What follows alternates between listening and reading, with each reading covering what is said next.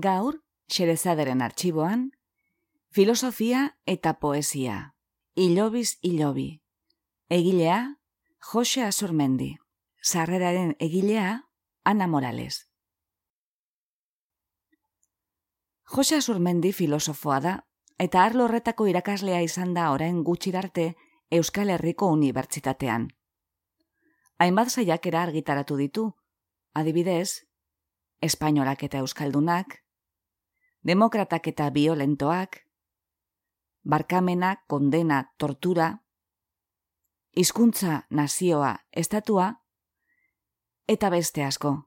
Horen arteko azkena, beltzak, juduak eta beste euskaldun batzuk, 2018an argitaratua.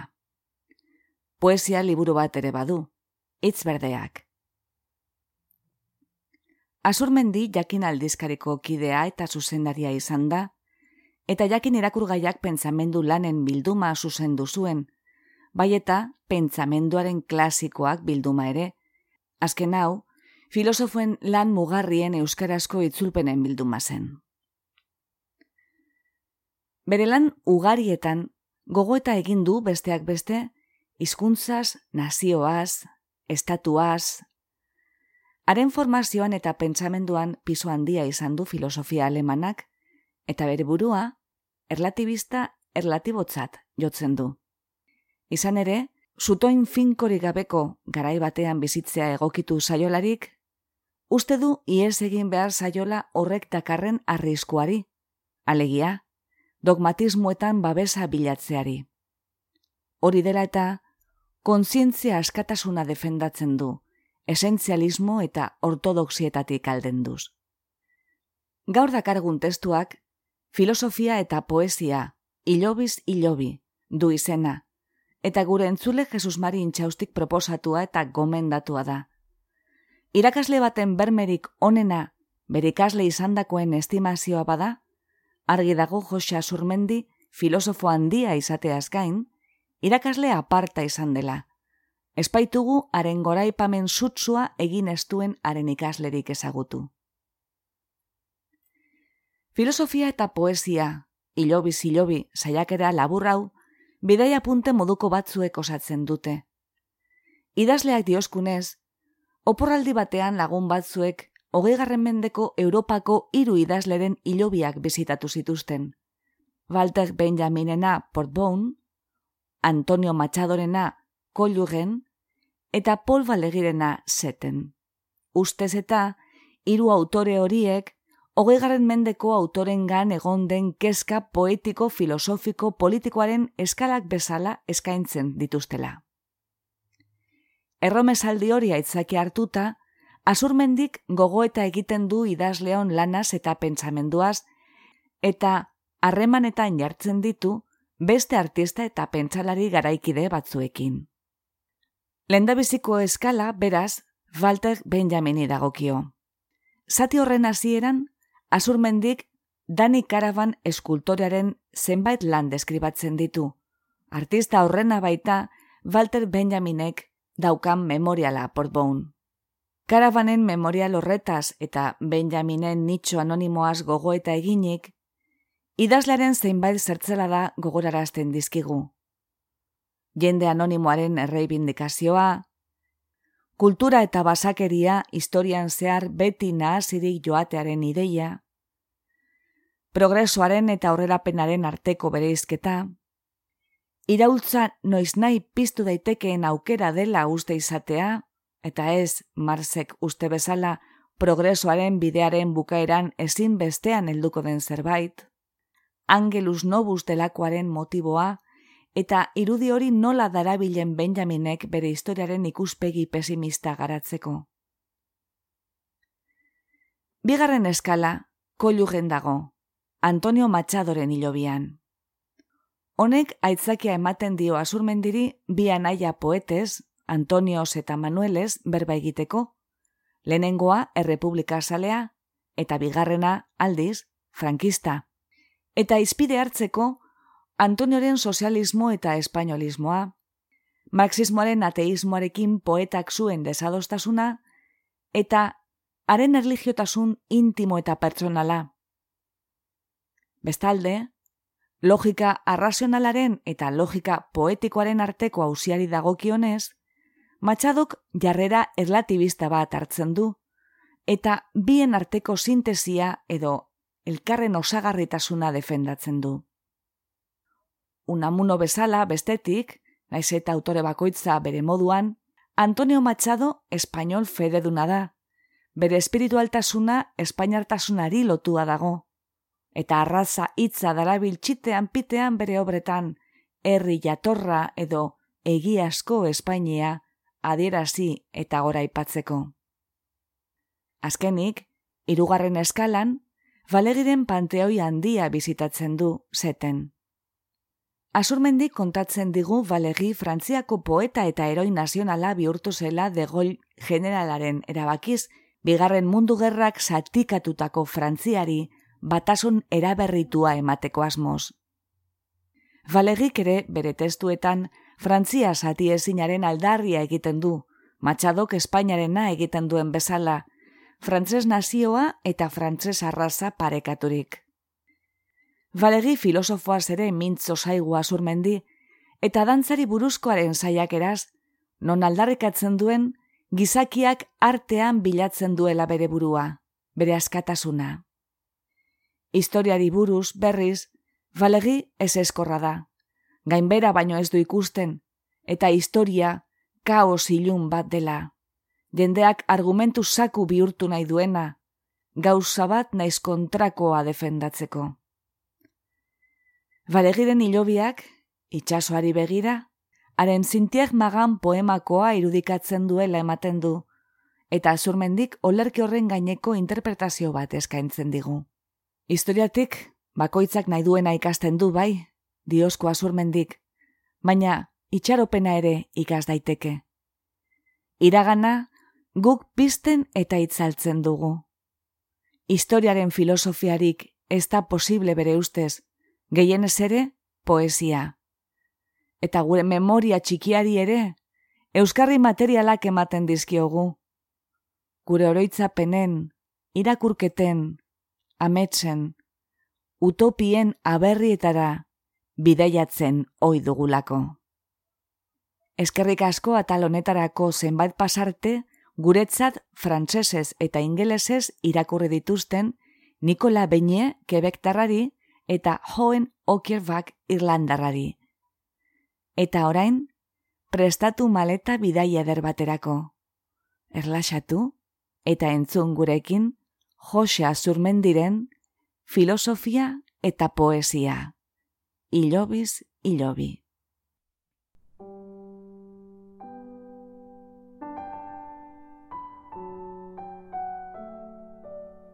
Liburu eta fotokopia bat zukartu, eta pelegrinazio moduko bat egitea pentsatu genuen, ilobiz ilobi. Walter Benjamin Portbone, Antonio Machado, Collugen, Paul Valéry, Seten ez hilobien gatik, baina irurek hogeigarren mendeko autorengan egon den kezka poetiko, filosofiko, politikoaren eskalak bezala eskaintzen dituztelako mediterraneoaren magalean. Bi mundu gerrak, Espainiako gerra zibila, mendebaldeko espirituaren larria, etorkizun berri baten esperantza komunistak, fasismo eta nazismoaren gora, gogoeta gai politak, ikasturteko lanak astu eta oporraldi baterako. Dani Karaban koloniatik ezagutzen genuen. Arkitekto Israeldarrak monumentu bat dauka hiri honetan, Malot, Heinrich Böll plazatxoan, katedralaren eta arte modernoaren Ludwig Museoaren artean. Heinrich Böll literaturako nobel saria da. Gizon mehar luxea, euskal txapelarekin eta gabardina xar batekin ikusten nuen nik beti.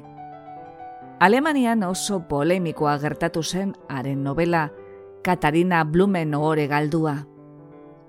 Armada gorriaren frakzioaren inguruan. Pello zabaletak euskaratu zuen, elkarren. Malo titzak hebreera arkaikoan, zurubi esan nahi omen du, edo mailetako kanta salmoetan. Jerusalemgo apaisek iturritik templura pitxarretan urarekin igotzean, abesten omen zuten kanta batengatik. Iriak duen gunerik bioskorrena oparitu dio koloniak, iritarrek holokaustuaren monumentua esaten dioten horri. Eskalinata zabal-zabal bata, rin ibaitik gora, katedralaren muñoko egian, metalesko eskudel bat erdi aldean, suamu batzuk alboan, Biblian usu aipatzen diren akasia eta sikomoroak.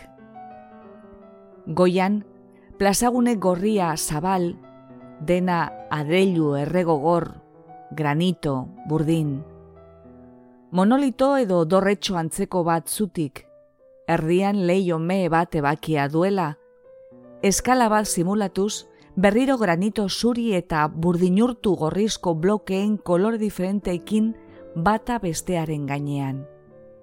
Elementu horizontala, errail luze bakar bat, plaza gurutzatu eta mailetan behera jaizten da, inora ez daramana. Esan nahi inmediatu egirik gabeko memorial bat da, memorialik ere ez dana, ala ikusteko astirik gabe urtero hemendik pasatzen den milioika turistentzat. Atentzio ematen duena, hautatu diren materialak eta kombinazioa da. Karabanek ez du espazio urbanoa atondu baino egin.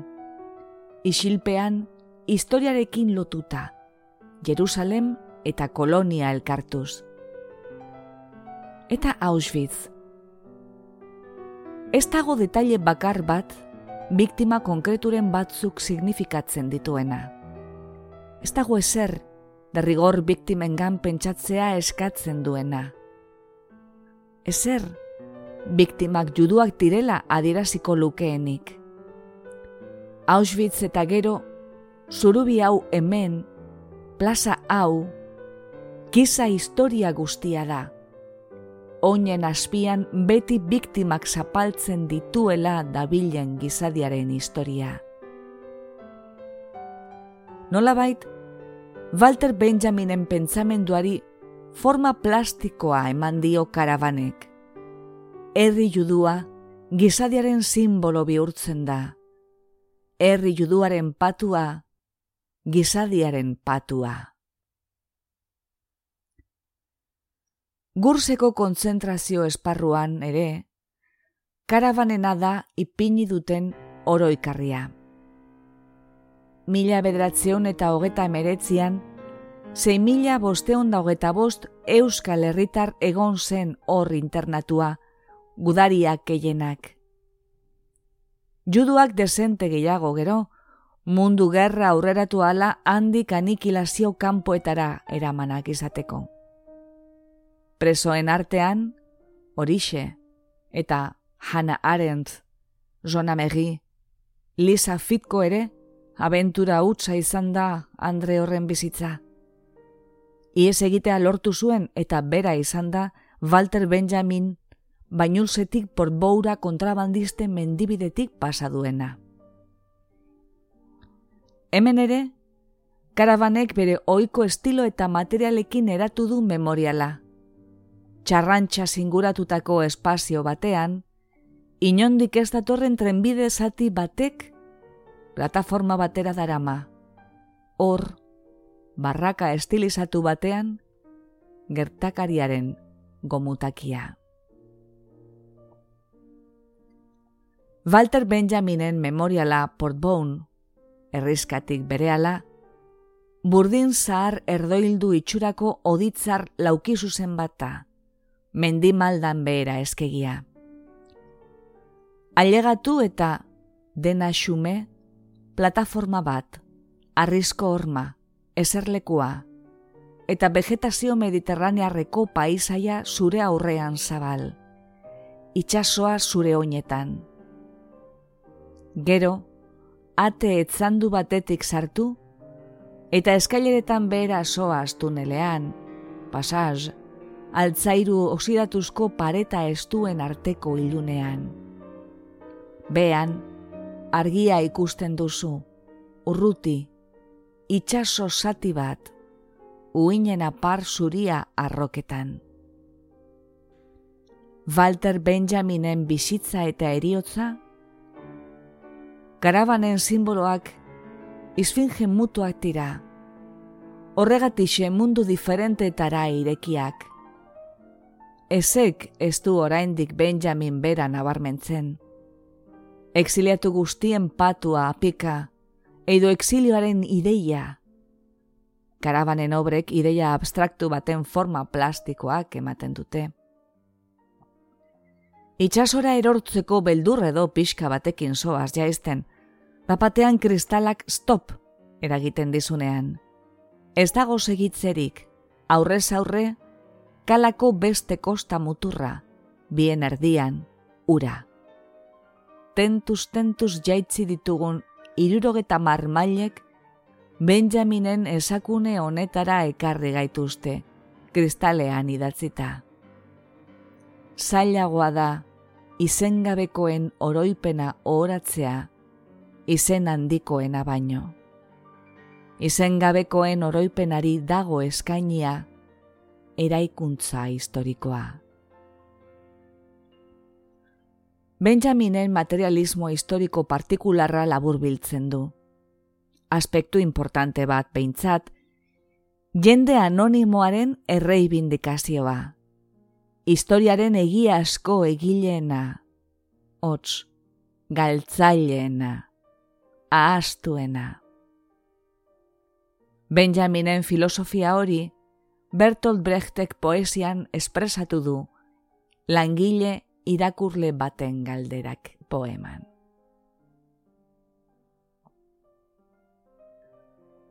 Alexandro Gazteak India konkistatu zuen.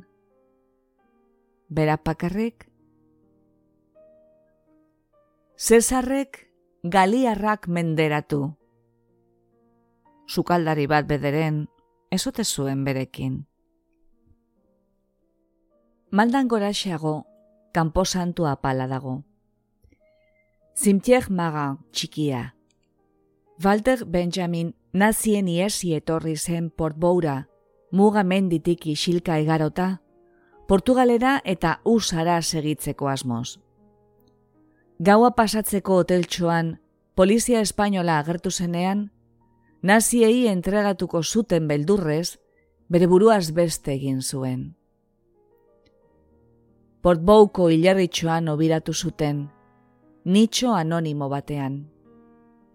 Hilerriaren beste muturrean, arrimokor bat dago, anboto txiki bat miniaturan, eta Benjaminen aipu bat berriro plaka batean idatzita, alemanez, errata ortografiko eta guzti, eta katalanez. Kulturaren dokumenturik ez dago inoiz, aldi berean estena barbariarena. Historiaren kontzeptuaz izeneko idazkitxo sonatukoa da esaldi hori.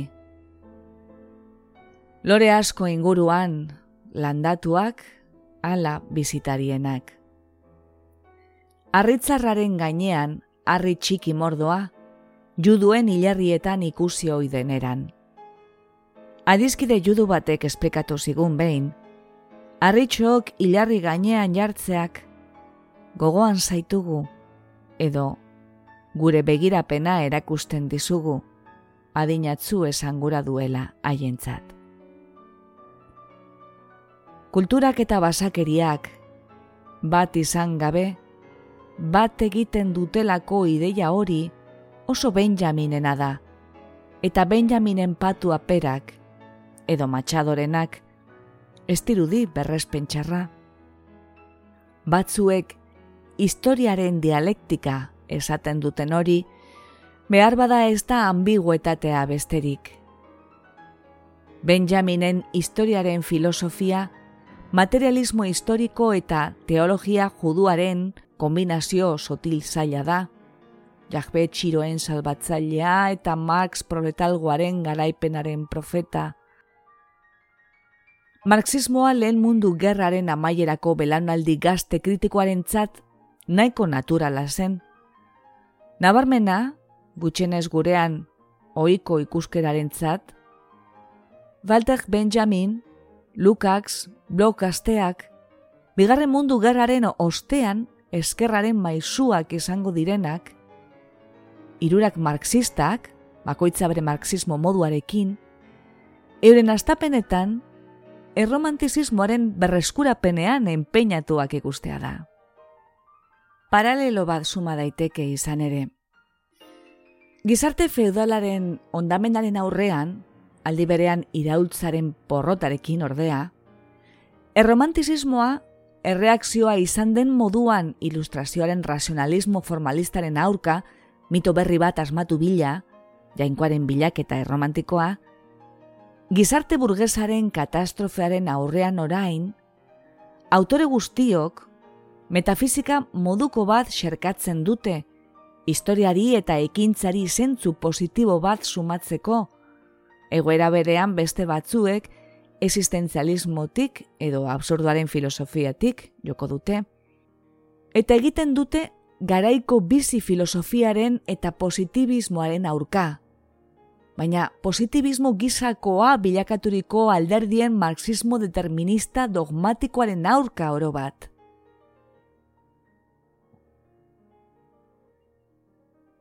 Erromantizismoa, ekintzak materialki utz egin duenean, irautzaren proiektuan olabait, pentsamenduan eta espirituan salbatzeko alegina baizik ez da. Marxismoari eite moral ideal berri bat ematea izan da. Belaunaldi aleman, batetik gerraundoko puskailetako eta bestetik garaipen sovietararen tenore bereko honen bilaketa erromantikoa. Walter Benjaminena, konkretuki, progresoaren ideiari utopiarena kontraiartzea izan da. Natura versus espiritua bezalatzu da hori, naturaren eta espirituaren adiera alemanean. Teknika, Lukak zentzat legez Benjaminen zat, natura da, bigarren natura. Beraz, progreso teknikoa, progreso naturala da gizakiaren behar izan naturalak asetzeko progresoa. Ez aurrera pena espirituan, gizatasunean, askapenean. Produkzioko teknologia, naturaren dominaziokoa, ikaragarri aurreratu da. Ordea, produkzio harremanak, jendartekoak, funtzean beti berdinak ari dira gelditzen, ugazaba eta jopua, Progresoak, askatu ez, baina zanpatu egiten du produzitzailea, gizadia. Progresoak zentzu negatibo, tragiko bat hartzen du. Kontzeptuen aldaketa horrek, historiaren eskema marxista eraldatzen du. Progresoaren ideia marxistan, iraultza, han nunbait bidearen azkenean, produkzio tresnen garapen teknikoari eskerrak berez bezala eta naita ez letorkeena litzateke. Utopiaren ideian iraultza espirituaren txat, tximista bezala, edo zein momentutan eman daitekeen aukera da. Horrela, historiako denboraren kontzeptua ere bestelakautzen da. Garapena versus tximista. Kairos.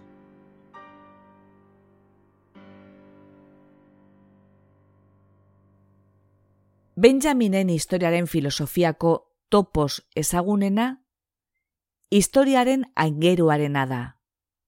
Angelus novus. Asko aipatu ohi duguna eta ez asko ulertu. Izan ere, aingeru horren simboloaren atzean, tradizio talmudiko guretzat aski estrainoa baitago, komentarista juduak irakurriz ikasten dugunez. Benjaminek perak maiz aipatzen ditu bere obran aingeru talmudikoak.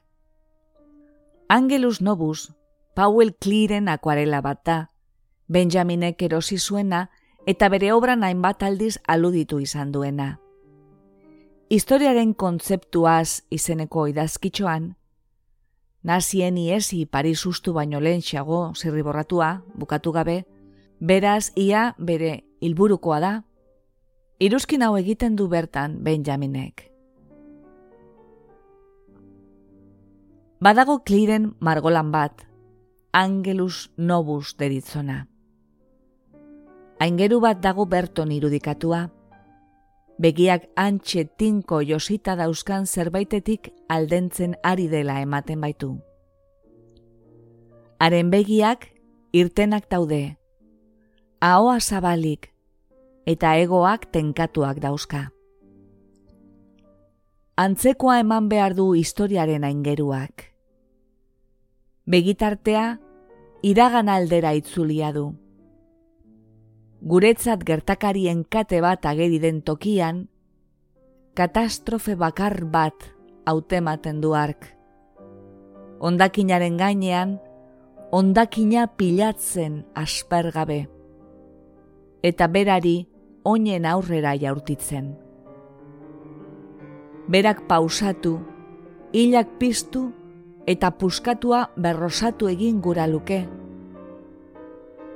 baina paradisutik aldagoiak erasotzen du. Hori bere egoetan katramilatzen da, eta inda bortitza, aingeruak ezin baititu haiek atzera bildu. Aldagoi horrek eutzi ezinki etorkizunerantz bultzatzen du. Bizkarra ematen baitio berak horri, bere aurrean zeruraino metatuz dijoan bitartean ondakinen pila guk progresoa deitzen duguna, aldagoi hori da.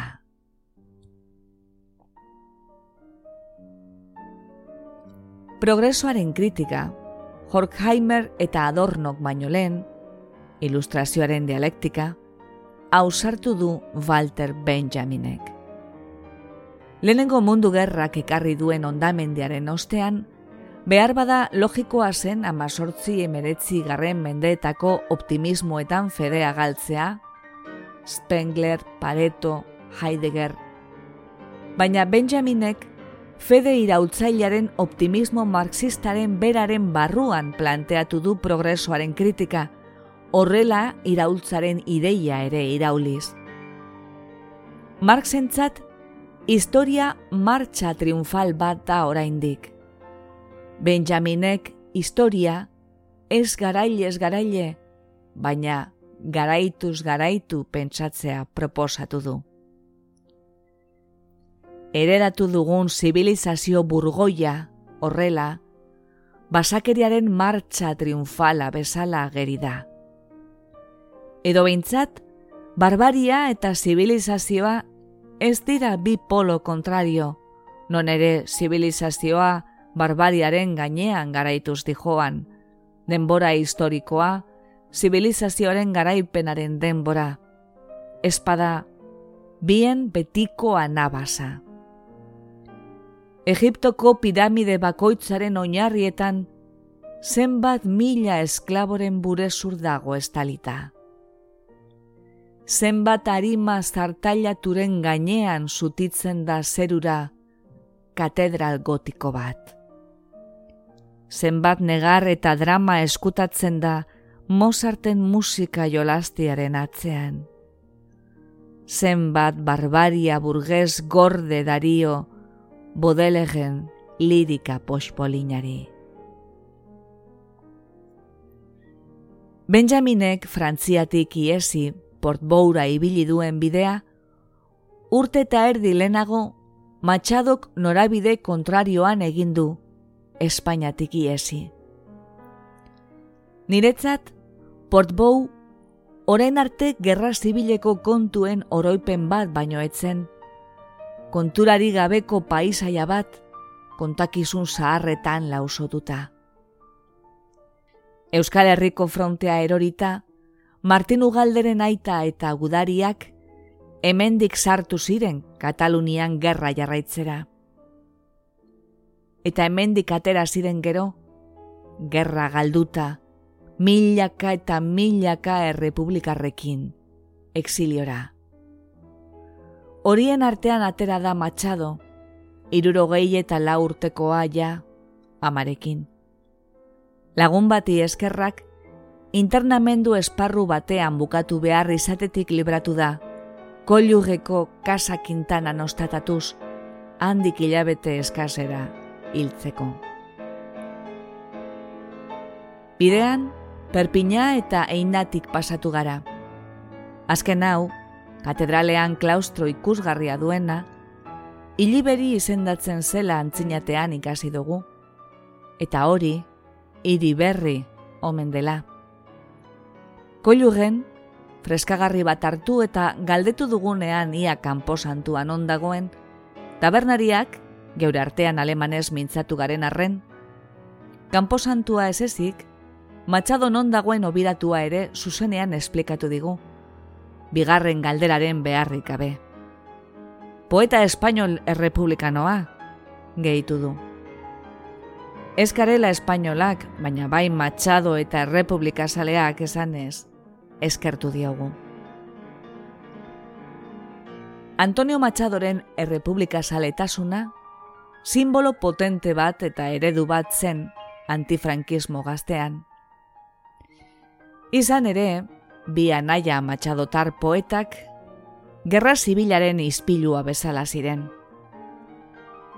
Manuel Frankistak, sistemaren eta gure eskolaren ohoreak gozatzen zituen bestela etzen poeta txarra. Ordea, al sable del caudillo panegiriko txepelak, kategoria pindarotar hause zizun. Con esta hueste triunfal que tras tu enseña desfila y que lleva en la mochila estrellas de general, de la barbarie oriental vencer supiste el espanto y alcanza tu gloria tanto que con tu invencible tropa fue España escudo de Europa, como en Granada y Lepanto.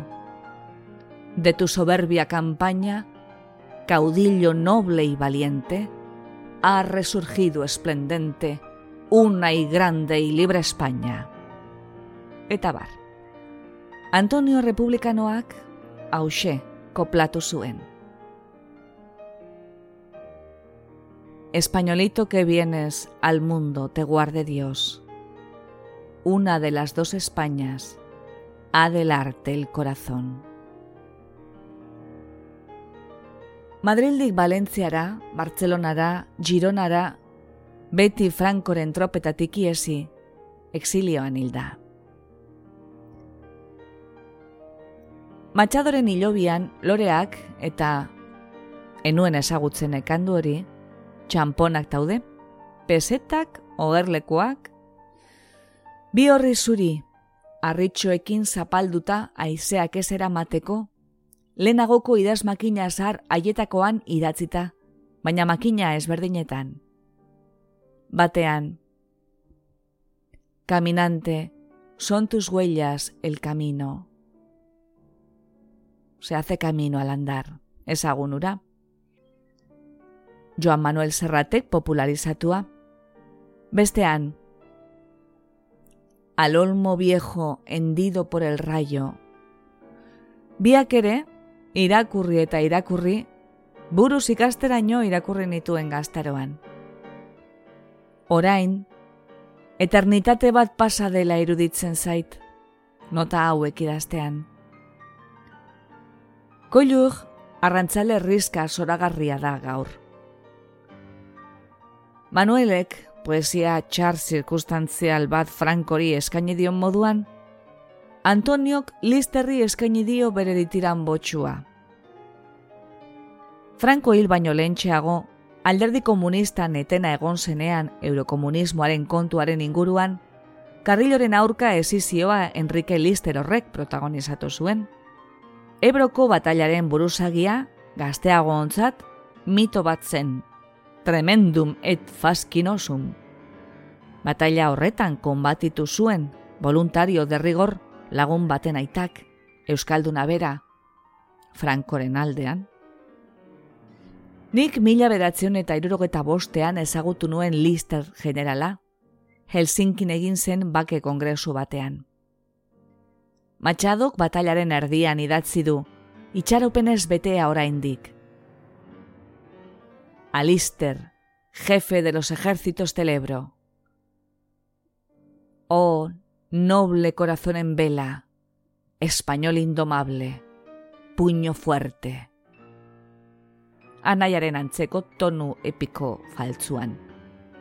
Liriko paregabearen onena ez da, baina itxieraz hasta honekin bukatzen da.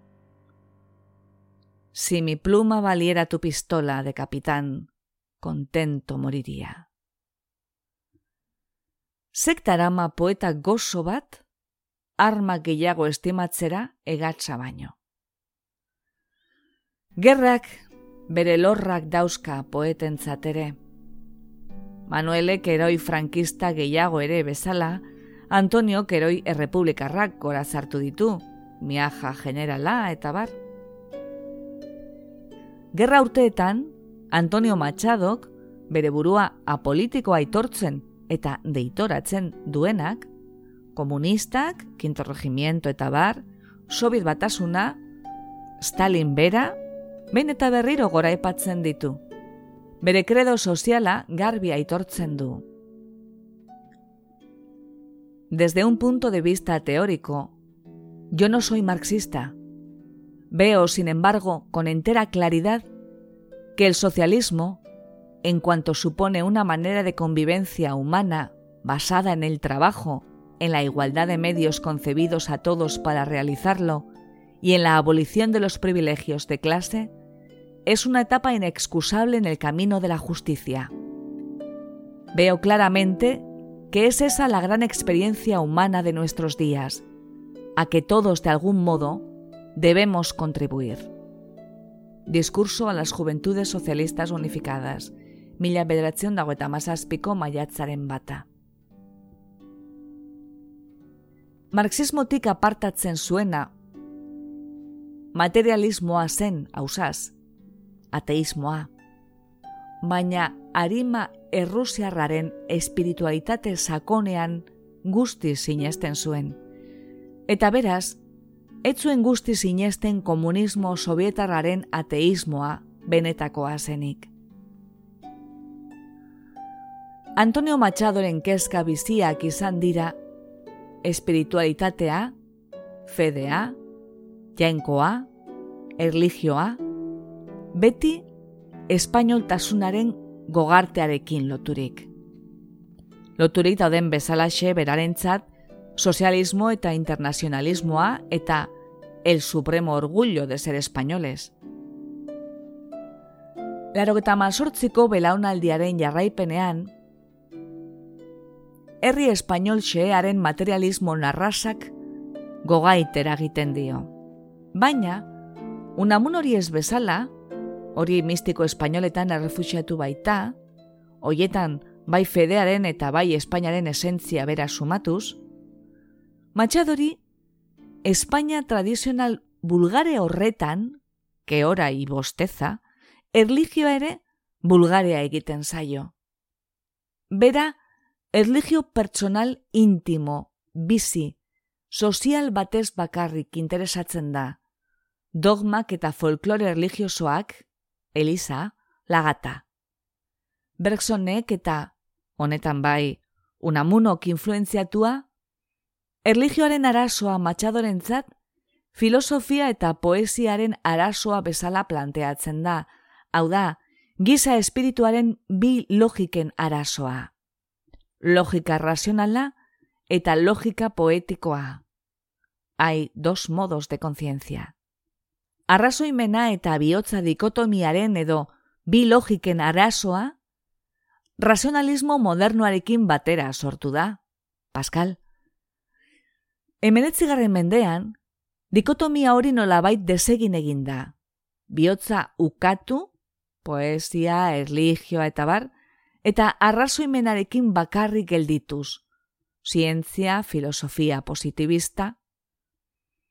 Hogeigarren mendearen hasieran, bihotzaren errebindikazioa indarrez jaikida berriro. Espiritualismoa, bizi filosofiak, Hala, matxadorentzat errealitatea atzemateko arrazoimena motz gelditzen da. Edo, errealitatea lehen bizi ilostu egiten du atzeman ahal izateko. Esa maldita faena de ir arrojando a la arena muertos los peces del mar. Poetarena aldiz da conciencia de visionario que mira en el hondo acuario peces vivos, fugitivos. Beste irudi batekin, poesiak, erligioak, txoriz eta kantaz eta egaztiz eta egada dotores betetzen dute zerupea. Filosofia razionalistak egoak ebakitzen dizkie. Fue Kant un esquilador de las aves altaneras. Batetik, hori beharrezkoa izan bailiteke metafizika austekoiak apaltzeko. Bestetik, hori bakarrik egitea amezkabea baita. Ein honetan, bi logikak oposizioan ikusita daude. Ekarren osagarriak ere izan litezke ordea, eta ala gura luke matxadok. Azteko, poetak ezin du hizkuntzaz baliatu baino. Razionalitateaz baliatu baino, hortaz. Poesia egituratu eta razionalki egiten du. No es la lógica lo que el poema canta, sino la vida, aunque no es la vida lo que da estructura al poema, sino la lógica. Elkarren osagarri direnean ere, logika bien arteko oposizioa ez da ibitzen. Errealitatea izurkorra da, etengabe aldakorra, eta errealitate hori adierazia alizateko, txori bat egan pintaliteke, baina ez egada bera, hizkuntzak egiten duena da, errealitatea kontzeptuetan lotu, igigabetu, munduko sagar guztien diferentzia guztiak, sagarra bakarrean homogeneizatu. Los conceptos o formas captoras de lo real no pueden ser rígidos si han de adaptarse a la constante mutabilidad de lo real que eso no tiene expresión posible en el lenguaje, lo sabe Abel Martín. Horregatik, hizkuntzaz baliatuz ere, hizkuntzaren kontra diardu poetak. Labur. Matxadoren posizioa eseptiko edo erlatibista da. Hemenetzigarren mendeak, fundamentu razionalik ez eukitzeagatik zapustu du erligioa metafizika. Zientzia, aldiz, arrazoimenak eta esperientziak hautsi ezinki oinarritutzat jotzen zuen. Aitzitik, honezkero, vivimos en un mundo esencialmente apócrifo, confesatzen dio bere buruari matxadok, en un cosmos o poema de nuestro pensar, ordenado o construido todo él sobre supuestos indemostrables. Ez dago ezagutzaren azken fundamentu ongi fundaturik. Machado, fundamentuen eztabaidaren ondotik dator. Erligioaren kritikaren ondotik dator oro bat. Machado ez da fede español herritarraren bat ere sale. Un pueblo que ayuna y se divierte ora y eructa ostiral santu tragikoetako hori, seriotasun handiko seriotasunaren komediena, honetan poeta andaluza, unamuno euskotarra baino arras beste sentzibilitatekoa da. Ez da ama virginaren debozio farfailena ere. Erligioan, seriotasun eta intimitate isilak maite ditu berak, alarde gabekoak, Ala berean, jainkoaren eta egiaren jabe beti izan den Elizaren aurka, Machado, egiarik maiuskulaz jada ez dagoela ikasita, jainkoaren eta fedearen bilatzailea da. Pobre hombre en sueños, siempre buscando a Dios entre la niebla. Kanpoan edo gainean egotetik, jainkoa barrura pasa da. Eta sinestea, sinestu nahi izatera. Oso unamunotarra, hau dena. Dogma eta kanonetatik libre. Creo en la libertad y en la esperanza, y en una fe que nace cuando se busca a Dios y no se alcanza, y en el Dios que se lleva y que se hace. Arrazoimenaren eta erligioaren arazora itzuliz, poesia eta filosofiaren jite berberekoa, hiru autorengan razionalismoaren esaskitasuna jada naturaltasun guztiarekin agerikotzat ematen baita, mitoren laguntza osagarria bilatzen zaioari. Bestalde, mitoa bera, erligioa, modu aski heterodoxoan baliatzen da. Arrazoimena eta mitoa, emeretzegarren mendean, elkarren uko amorruzkoa izan dira. Teologia klasikoaren aurka hain zuzen, hori espaita besterik izan, judaismoan bezala kristautasunean, arrazoimena eta mitoa elkarrekin adosteko programa baino. Autoreok ordea, eta garaiko beste batzuek, arrazoimenaren eta mitoaren simbiosia berriro entzeiatuz, ez dute inola ere teologiarik egiten, mistika modu bat bai agian. Walter Benjamin, tradizio judua filosofia marxistarekin bateratzen edo bizebersa alegindu da biak erreberritzeko. Unamuno, filosofia klasikoa ere kamutza begitan durik eta erligio, teologia, ofiziala, razionalistegia, irrazionalismo mistiko batean eta poesian murgildu da. Matxadok, razionalismoari mugak jarri eta erligioa galdatuko du, baina batetik hori intemitate pertsonalera bilduz. Señor, ya me arrancaste lo que yo más quería. Bestetik, sozialismoaren espiritu modernotara zabalduz. Kristautasunaren espiritua ederresten duenean, espresuki ohartarazten du, bere jarrerak ez duela zer ikusirik con esas filosofías católicas más o menos embozadamente eclesiásticas con que hoy, como ayer, se pretende enterrar al Cristo en Aristóteles. Machadoren ere gure kulturaren bi figura emblematikoak Sócrates eta Jesus Nazaretekoa dira. Sócrates, unibertsalismo intelektualarena. Jesus, universalismo emocional edo moral arena. No basta la razón, el invento socrático, para crear la convivencia humana. Esta precisa también la comunión cordial. Tal fue la hazaña del Cristo. Jesusek irakatsi digu aurridetasun unibertsala.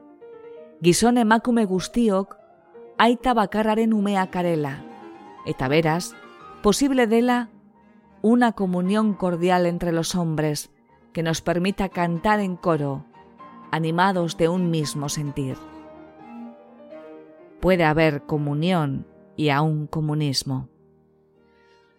Materialismo historikoak ez du Machado konbentzitzen. Me falta simpatía por la idea central del marxismo. Me resisto a creer que el factor económico sea el más esencial de la vida humana y el gran motor de la historia. Ateismoa, idea socialista komunitaristaren kontrakotzat dauka. El ateísmo es una posición esencialmente individualista. Ateismoa, materialismoa, kontzientzia sozial komunitario bero baterako eragozgarri da. Un comunismo ateo será siempre un fenómeno social de superficie. Ostera, kristautasunaren espirituaren garaipena komunismoarekin etorriko da, eta komunismoaren garaipena espiritu kristauaren garaipena izango da. ez da erroman bilatu behar Kristoren espiritua. Roma es un poder del occidente pragmático, un poder contra Cristo, que tiene del Cristo lo suficiente para defenderse de él. Entre Moscú, profundamente cristiano, y Roma, profundamente pagana, es Roma la que defiende a Cristo como quien defiende la ternera para su vacuna. Moscú, en cambio, se inyecta Carlos Marx. Pero cuando triunfe Moscú, no lo dudéis, habrá triunfado Cristo. Machadoren interesa erligioaz eta kristautasunaz, Espainaren eta herri espainolaren interesari lotua dabil. Kritikoki batzuetan, apologetiko beste batzuetan. Badaki debozio herritarrarekin sarkastiko izaten, baina herri espainol zarpailori bera, herri errusiarra bezalako xe espirituala ere gauzituko dizu. Rusia y España se encontrarán un día como dos pueblos hondamente cristianos, cuando los dos sacudan el yugo de la iglesia que los separa. Herri espainola, bere barne muinean, sakonki espirituala, esentzialki kristaua da.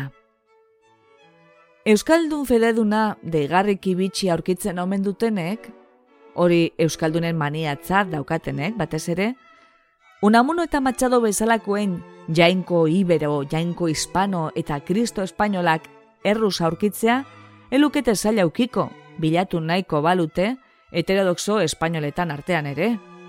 Espainol fededun ortodoxoak albo batera utzita. Antonio Machado Álvarez, Manuel eta Antonio Poeten aita, filosofiako irakaslea eta literaturzalea, folklore eta ahosko herri literaturaren biltzaile eta ikertzaile puntaren goa izan da Espainian, bizemeek euren poesian jarraituko duten herrikoitasun hildoa prestatuz. Walter Benjamin ere, bere lagun Gershom Scholemekin, tradizio judu herritarraren estudioan permatu da. Antonio Machado semeak, herriaren filosofiaz, herriaren poesiaz interesatua jarraitu du, eta hainbat poesia ondu du forma herritarretan. Antonio Machado poeta del pueblo, dio Tuñón de Lararen izenburuak, junto al pueblo ha de estar el intelectual, idatzi du, berak, oren gorrietan, y en contra de los enemigos del pueblo. Baina, nola jakin, non dagoen herria, espaita egoten toki bakarrean. Herritasunaren edo espainoltasunaren gogoetan, edo nola ere, poeta andaluzak maiz erabiltzen du herriaren baliokidetzat arrasa kontzeptua, garaiko zenbait euskotar barkazio gabekoren antzera. Escribir para el pueblo es escribir para el hombre de nuestra raza, dio, eta bar. España behiala loriatzu, orain endekatuaren astio errepekatua gora bera, la España de charanga y pandereta, devota de Frascuelo y de María. Arrasa espainolaren indarrean uste osoa dizu.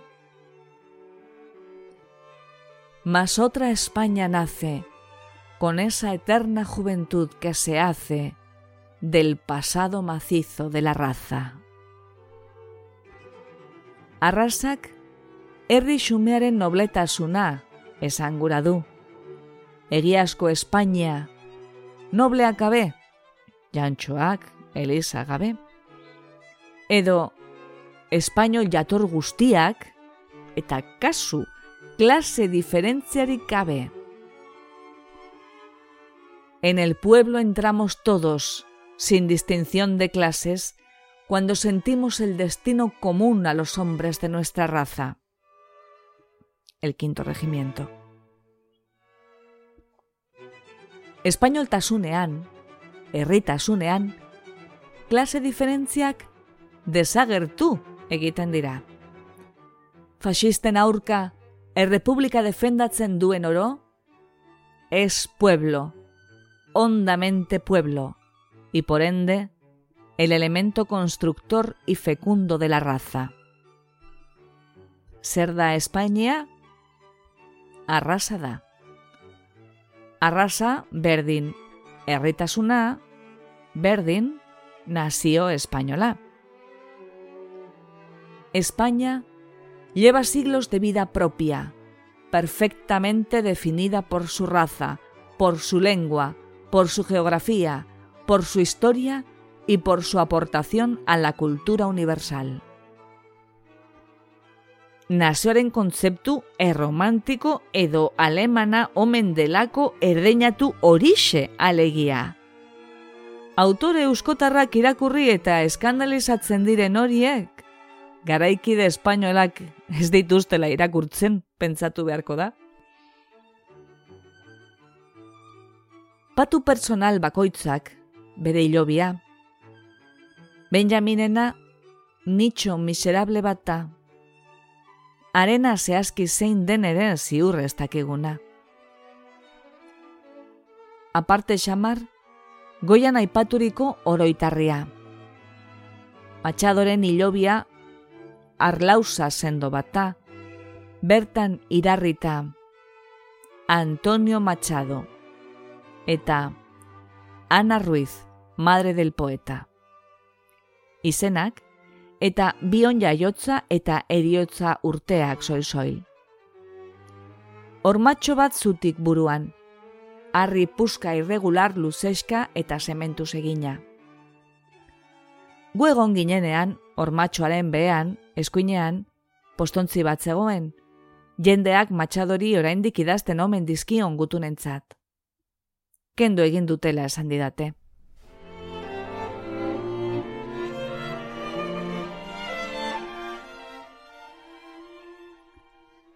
Valerik, itxas gaineko hilerri zuri-zuri argitzuan, panteoi lerden bat tauka, amaren aldetiko grazi familiarena. Obiarrian idarrita, kondekorazio gizako hiru medailoi eta goian, gurutzea, marmolesko lausa lodi sendoan, iskribo hau italieraz. Qui giace Giovanna de Lugnani, moglie del Cavalieri Grassi, console di SM il Re d'Italia. Eta bar eta segidan zenarrarena. Cavaliere Giulio de Grassi, console d'Italia, Cavaliere de la Legion d'Onore. Eta bar. Emeretzegarren mende burutik aurrera, balegitarren izenak eta eriotza datak. Pol balegiren izena ez dago lausa gainean, aurrealdean baino, letra handitan. Pol balegi hil zenean, degolek hileta nazionala dekretatu zuen. Eta beraz, eroi nazionalaren ehorsketan espantuzko pompa ospatu zuen Frantziak bere burua. Poeta bat, eroi nazionala? Bai, eta general baten dekretuz gainera. Valeri mila bederatzion eta berrogeta bosteko ustalaren hogeian zendu zen. Eta degolek, garaipenaren biharamunean, Frantzesei inok sinesten zuen frantses guztien, armen eta letren, erresistentzia eroikoan sinestea emateko, denak batuko zituen eta arrotasun nazionala itzuliko zien zeinu dirdaitzu bat behartzuen. Gerra egunetako zatik eta lotxagarriak astu, eta frantses guztien elkar batzaren liturgia esenifikatzeko, Ze oberik poeta frantses mundu guztiak miretziaren hileta aprobetsatzea baino. Degolek, bada, poeta eta akademiko zena, erresistentere bihurtu zuen. Ez gehiagi gaitzitua inorre zentiarazteko, eta erresistentziaren mitoarekin batera, garaipenaren simbolo perfektu bat osatu zuen. Egia da, amala urtelenago, Akademia Frantsesean, Balerik petan mariskalaren egundoko panegirikoa egin zuela, eta okupazio alemanaren garaian, politikoki arriskatu ere inoiz etzuela asko arriskatu, baina kolaboratu ere etzuen egin, eta Paul Valegi erresistentziako eroia eta patriota da, gaur arte.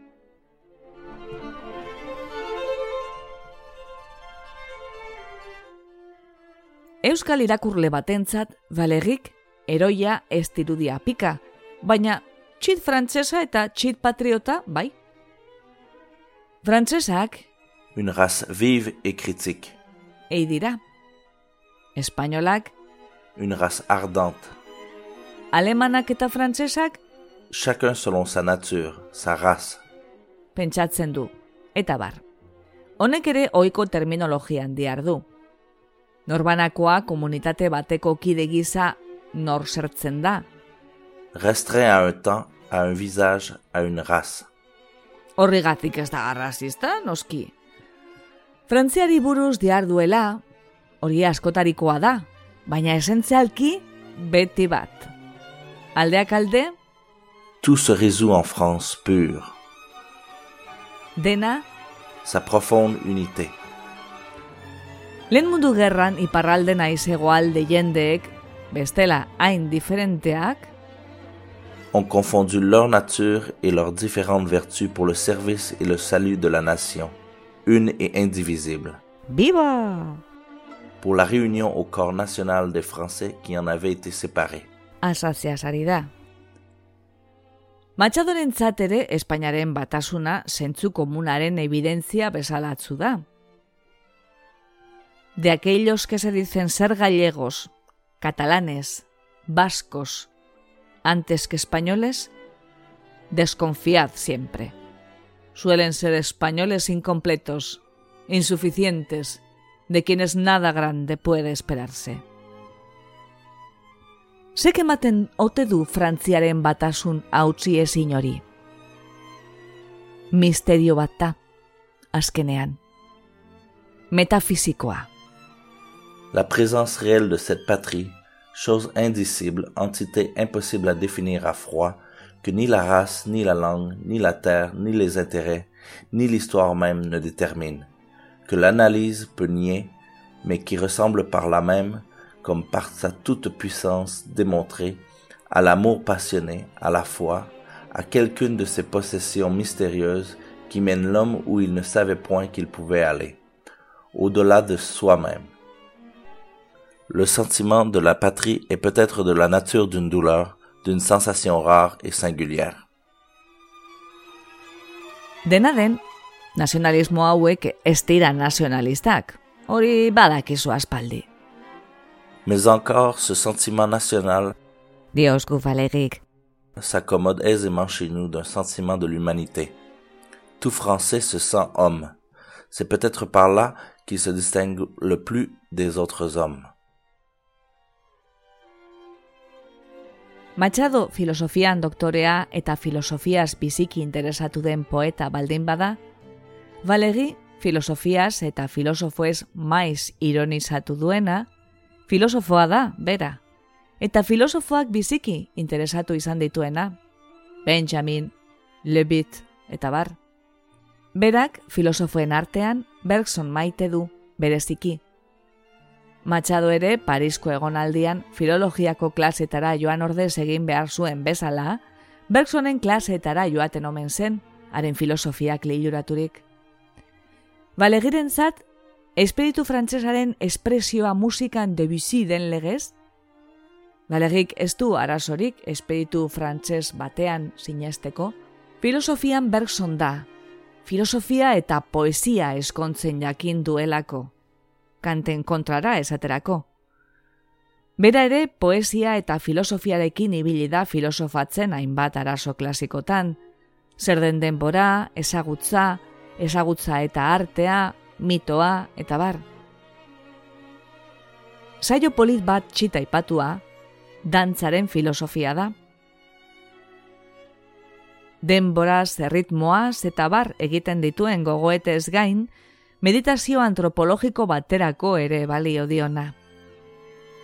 Dantza alferrikako aktivitatea da, eserezerako enkarnu bat, pasio inutil bat, funtzio vitalik bat ere betetzen ez duena.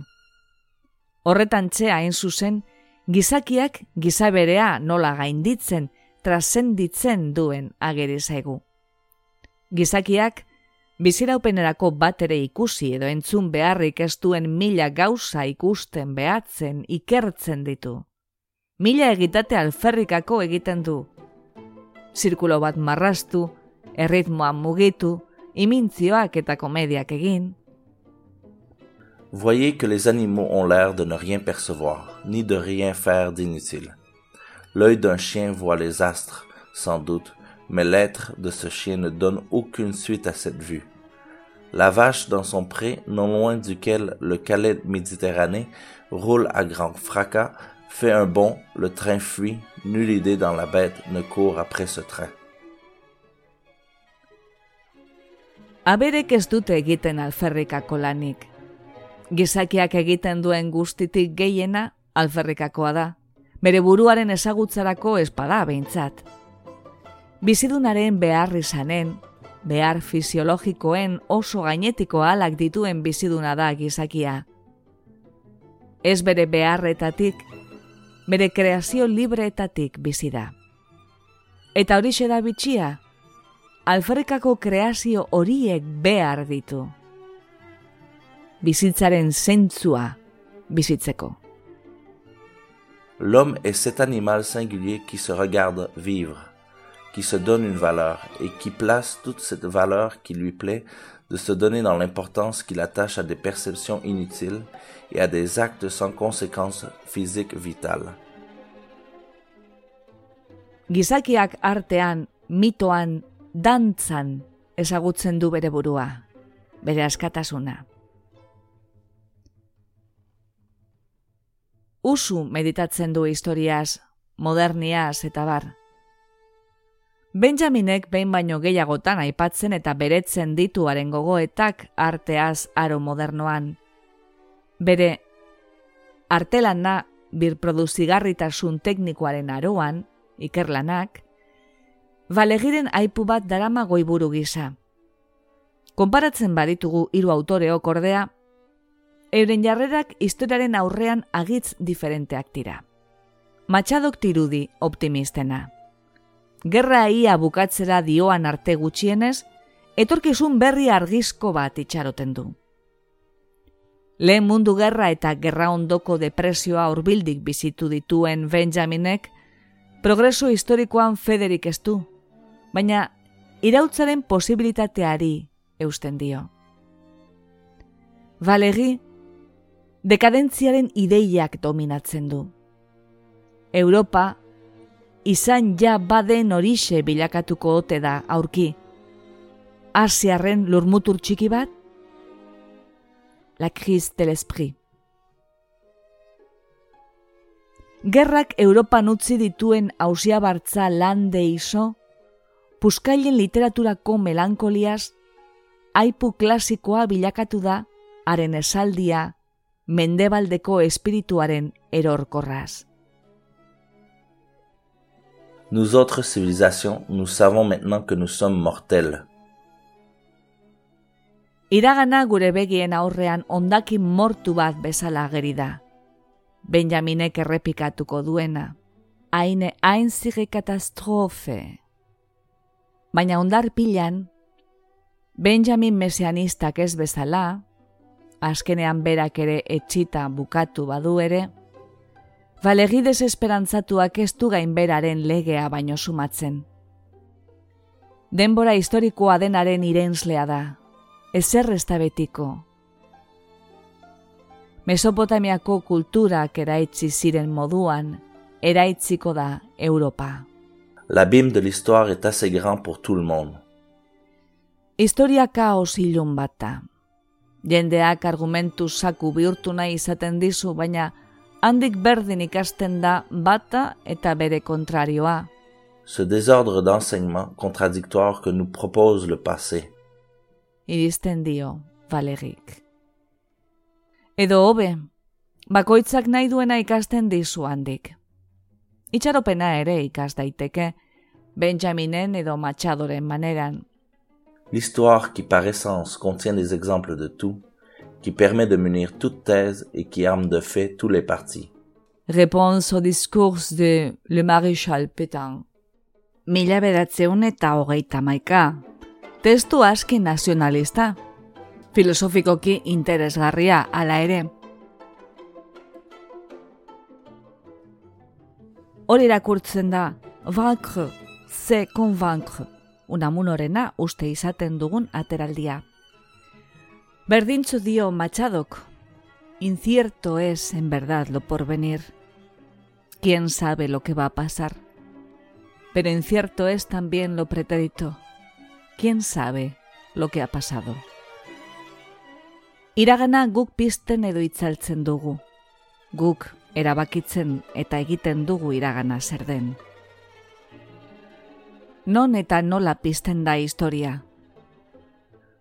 Amaiur, lauaxetaren poesian dago bizirik liburu guzti zientifikoren bateko horrietan baino gehiago. Ingalaterrako historia, Shakespearen drametan bizi da. Ingalaterrako erakundetan, festa nazionaletan, hots, memoria bizian. Nafarroaren konkista, non da egia zerreala gaur? Dio Machadok, para nosotros lo pasado es lo que vive en la memoria de alguien, y cuanto actúa en una conciencia, por ende incorporado a un presente y en constante función de porvenir. Visto así, y no es ningún absurdo que así lo veamos, lo pasado es materia de infinita plasticidad, apta para recibir las más variadas formas. Errigoroski, historiaren filosofiarik, ez da posible. Are gutxiago, zientziarik. Gehienez ere, poesia, aparato zientifiko gehiago edo gutxiagorekin. Historiak erreala izateko, edo erakundea, estatua esaterako, edo mitoa behar du. Eta generalean, biak. Geuk ere, gure memoria txikiari, ez aldiogu euskarri material bat ematen.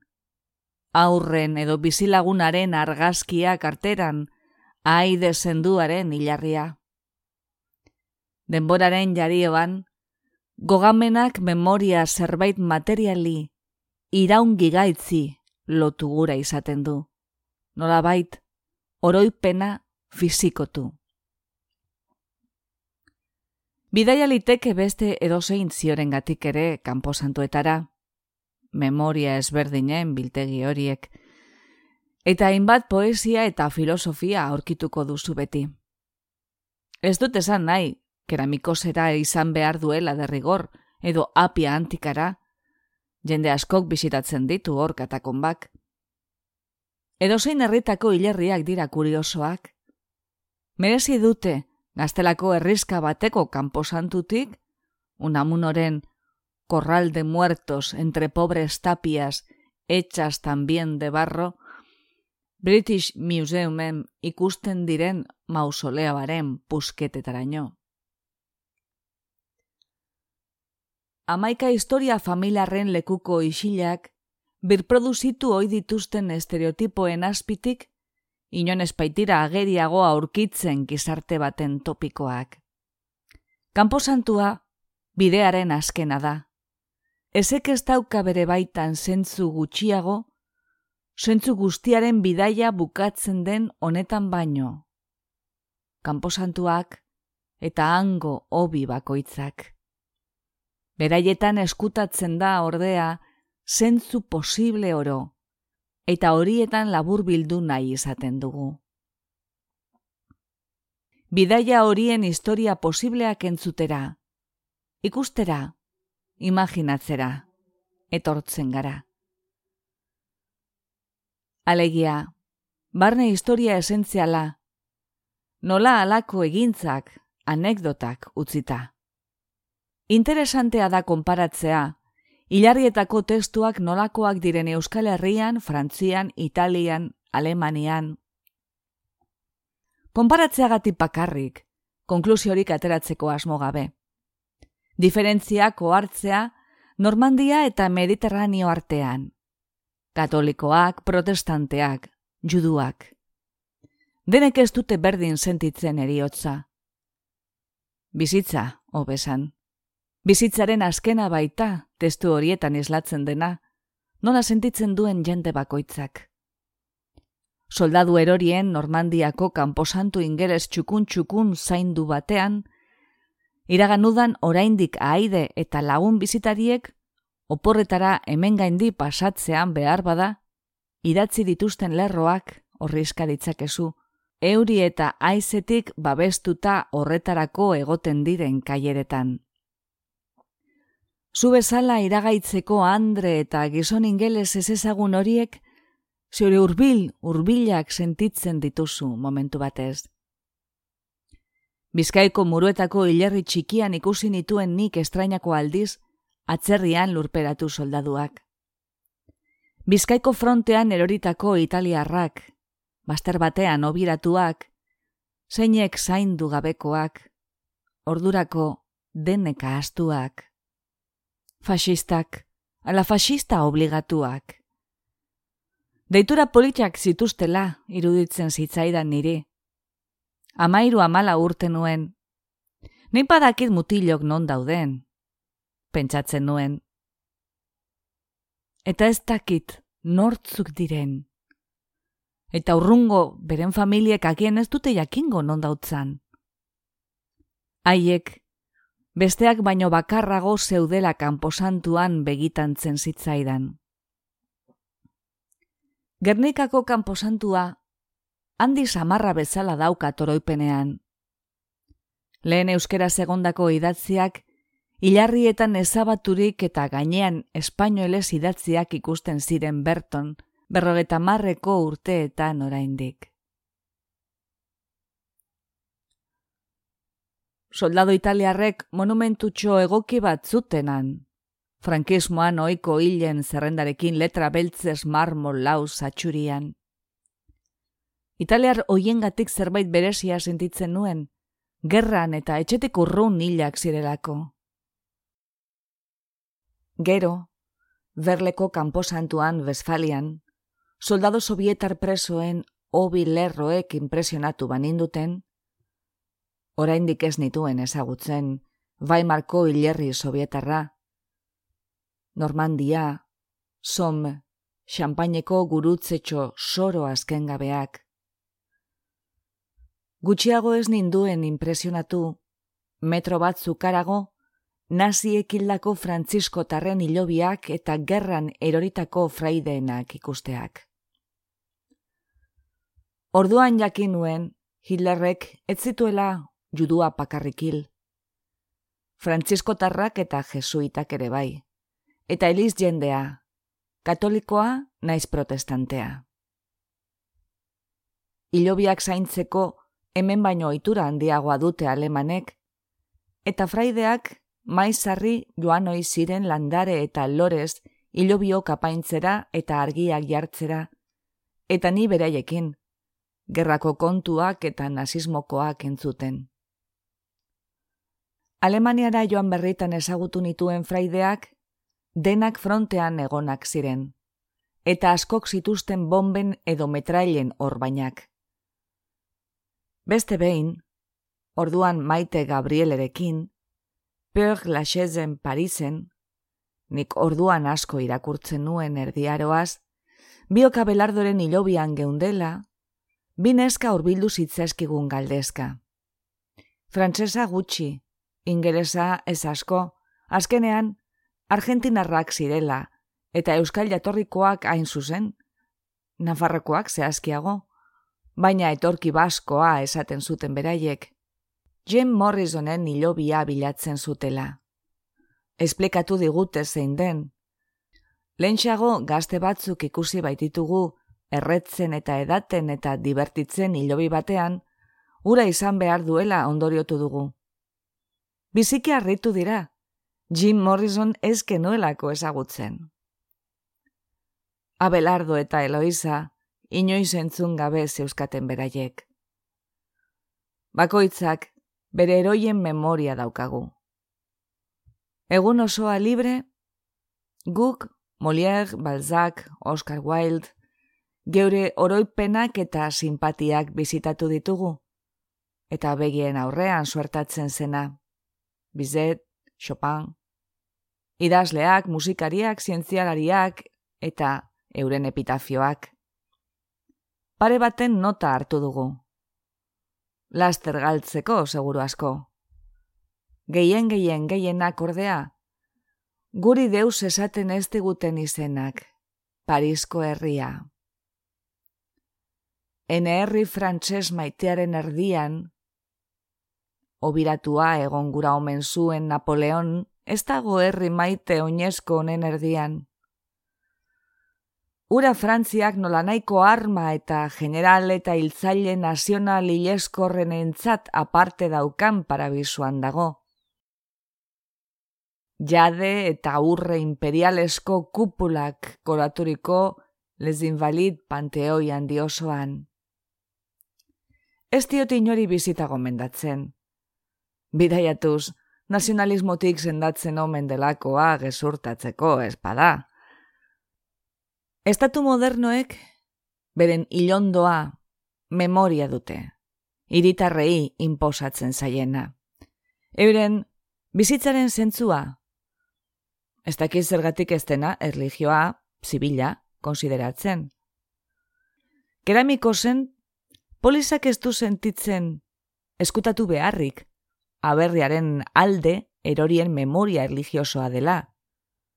Atenasko hilerri modernoan, herriaren erdi erdian daude, askapen gerrako eroi nazional grekoak, beren mandil itxurarekin, bibotet zarrandiak eta sastagaiak gerrian, arro, bizitariei begira posturan jarrita, guretzat komiko samarrak. Denak ez dira jatorriz grekoak, arbola handi artean, independentzia gerrako buruzagi ingelesaren pilare garaia dago. Haren bustuaren erliebe oso ingelesaz eta testu ohargarri honekintxe. Richard Church General, who having given himself and all that he had to rescue a Christian race from oppression and to make Greece a nation. Eta bar. Begira arraza eta nazio hitzak emeretzigarren mendean, and died amongst her people. Eroia eta bere herria beti. Egia da, eroiren baten herria garela denok, eta gure eroi poetiko eta artistikoak ere, Abelardo eta Eloisa, Victor Hugo, Alan Morrison, askatasunaren gudariak bihurtzeko joera eukitzen dugula. Beste batzuek, handitasunaren eroiak ederrestenago dituzte.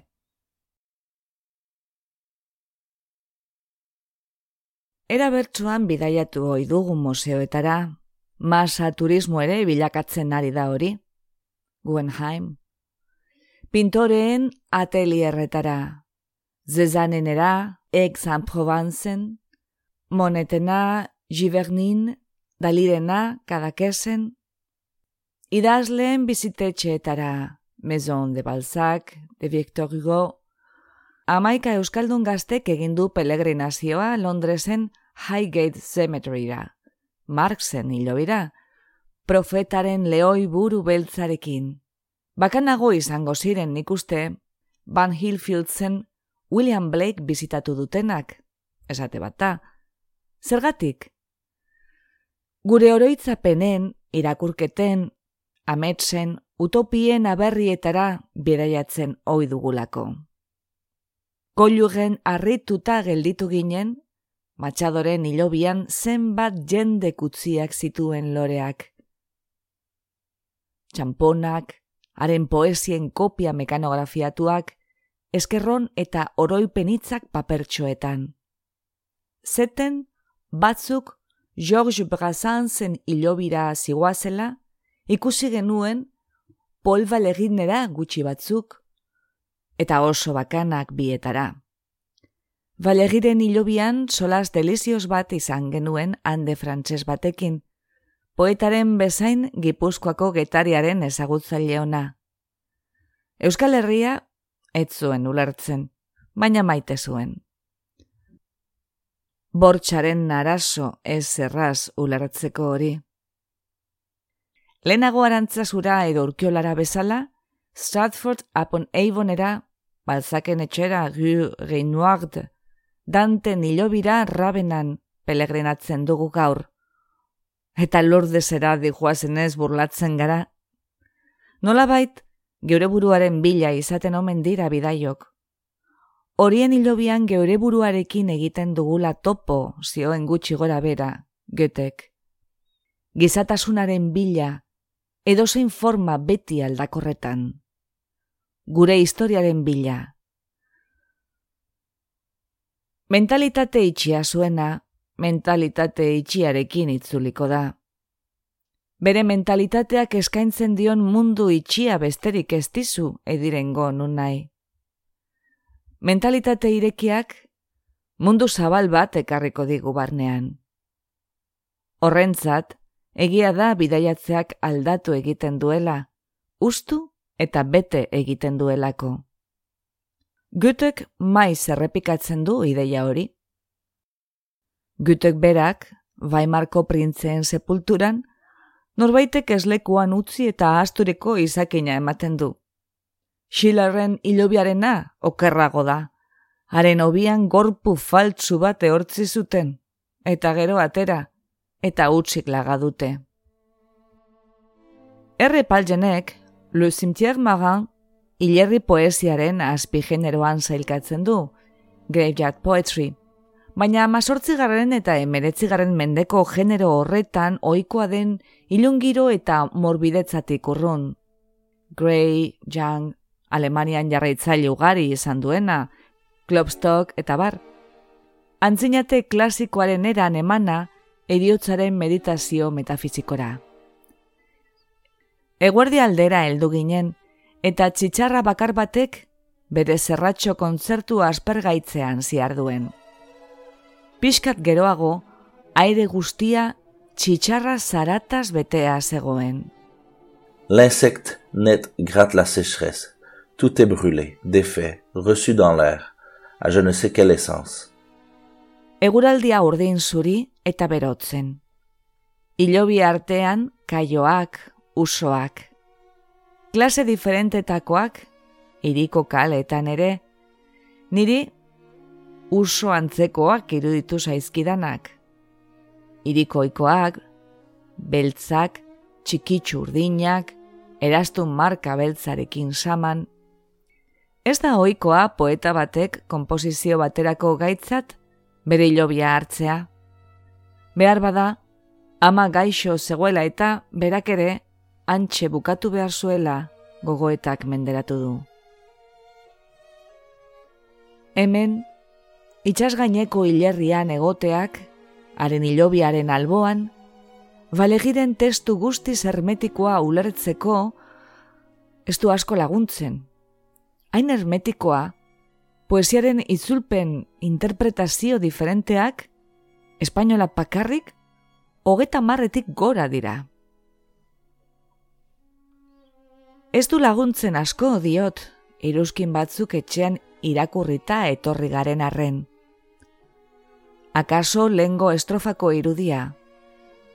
Pinu ilunen eta hobi txurien artetik hautematen den itsasoa, telatu bat dela imaginaliteke, eta belauntzi txikiak, telatuan ara ona dabiltzan usoak.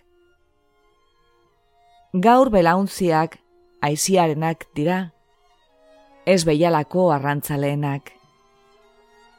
Baina gaur ere, ikuskizun bat da pinu eta ilobi artetik eguerdiko eguzki bortitzak itsasoan pizten duen dirdaia eta belauntzitsuak. Behar bada, itxas gaineko hilerri honen deskribapen material zehatzena, amargarren estrofak eskaintzen du. Fermé sacré plein d'un feu sans matière, fragment terrestre offert à la lumière, ce lieu me plaît dominé de flambeaux, composé d'or, de pierres et d'arbres sombres, où tant de marbre est tremblant sur tant d'ombre, la mère fidèle y dort sur mes tombeaux. Valegiren poeman tenkari luze osoan eusten diona, batetik leku konkretuarekiko lotura eta gogoeten unibertsaltasun askea. Eta, bestetik, dualismoen jokoa estrofas estrofa labainkor. Geldia, isuria, gorputza, kontzientzia, eriotza, bizia, denbora, denbora gabetasuna, hotz eternitatea, ugaria, bata eta bar. Dualismoak ez dira finko geldiak, aitzitik, elementuak esanai kontrarioak jokatzen ari dira etengabe. Itxasoa geldia da, eternitatea. Aldi berean, geldigortasuna bera, Toujours recommencer. denbora gabetasuna da, eta denbora jarioa. Eriotza da, eta bezia.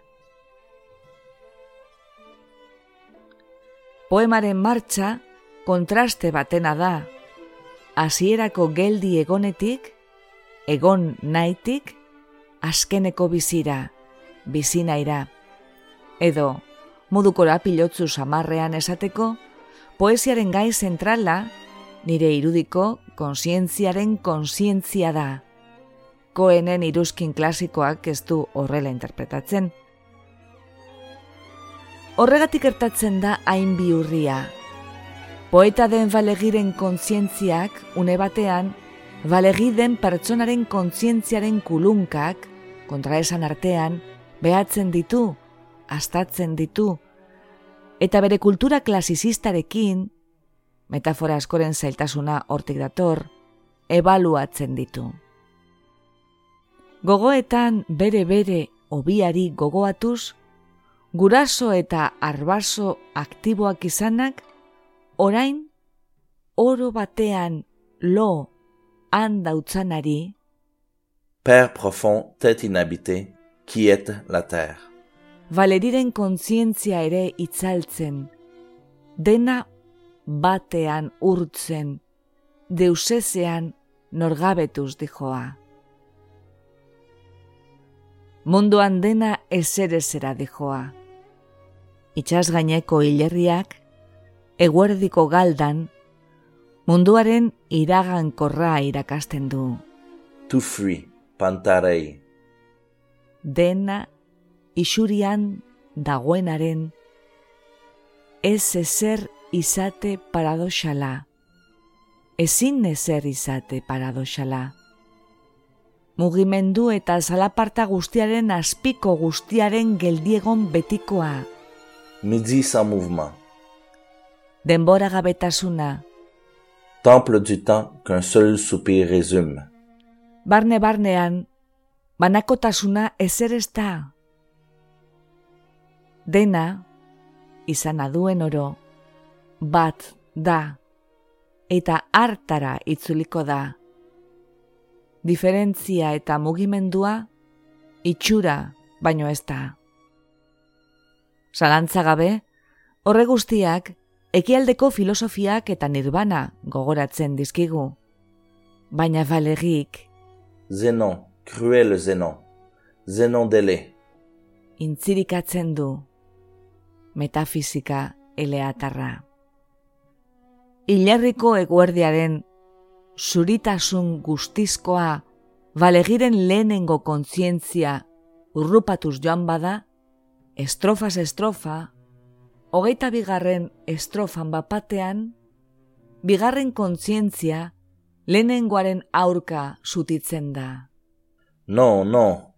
Debout, dans l'air successive. Kontzientziak berriro denborara eta gorputzera izuli gura du. Engainagarria bai eta bar, baina gizon emakumeak daukan errealitate bakarrera.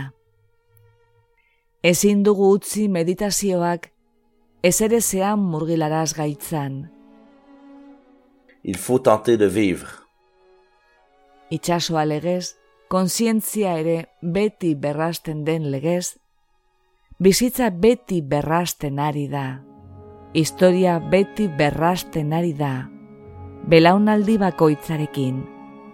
Interpretazio bakoitzarekin. Le Cimetière Maganen irakurketa meditatu bakoitzarekin. Guk, Rilkeren itzulpen paregabea izan dugu lagungarri.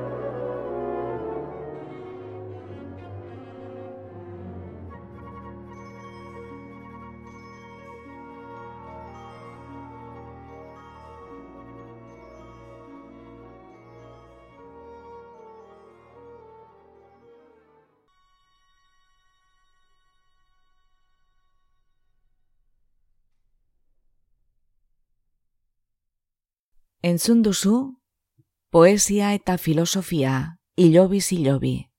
Egilea, Jose Azurmendi.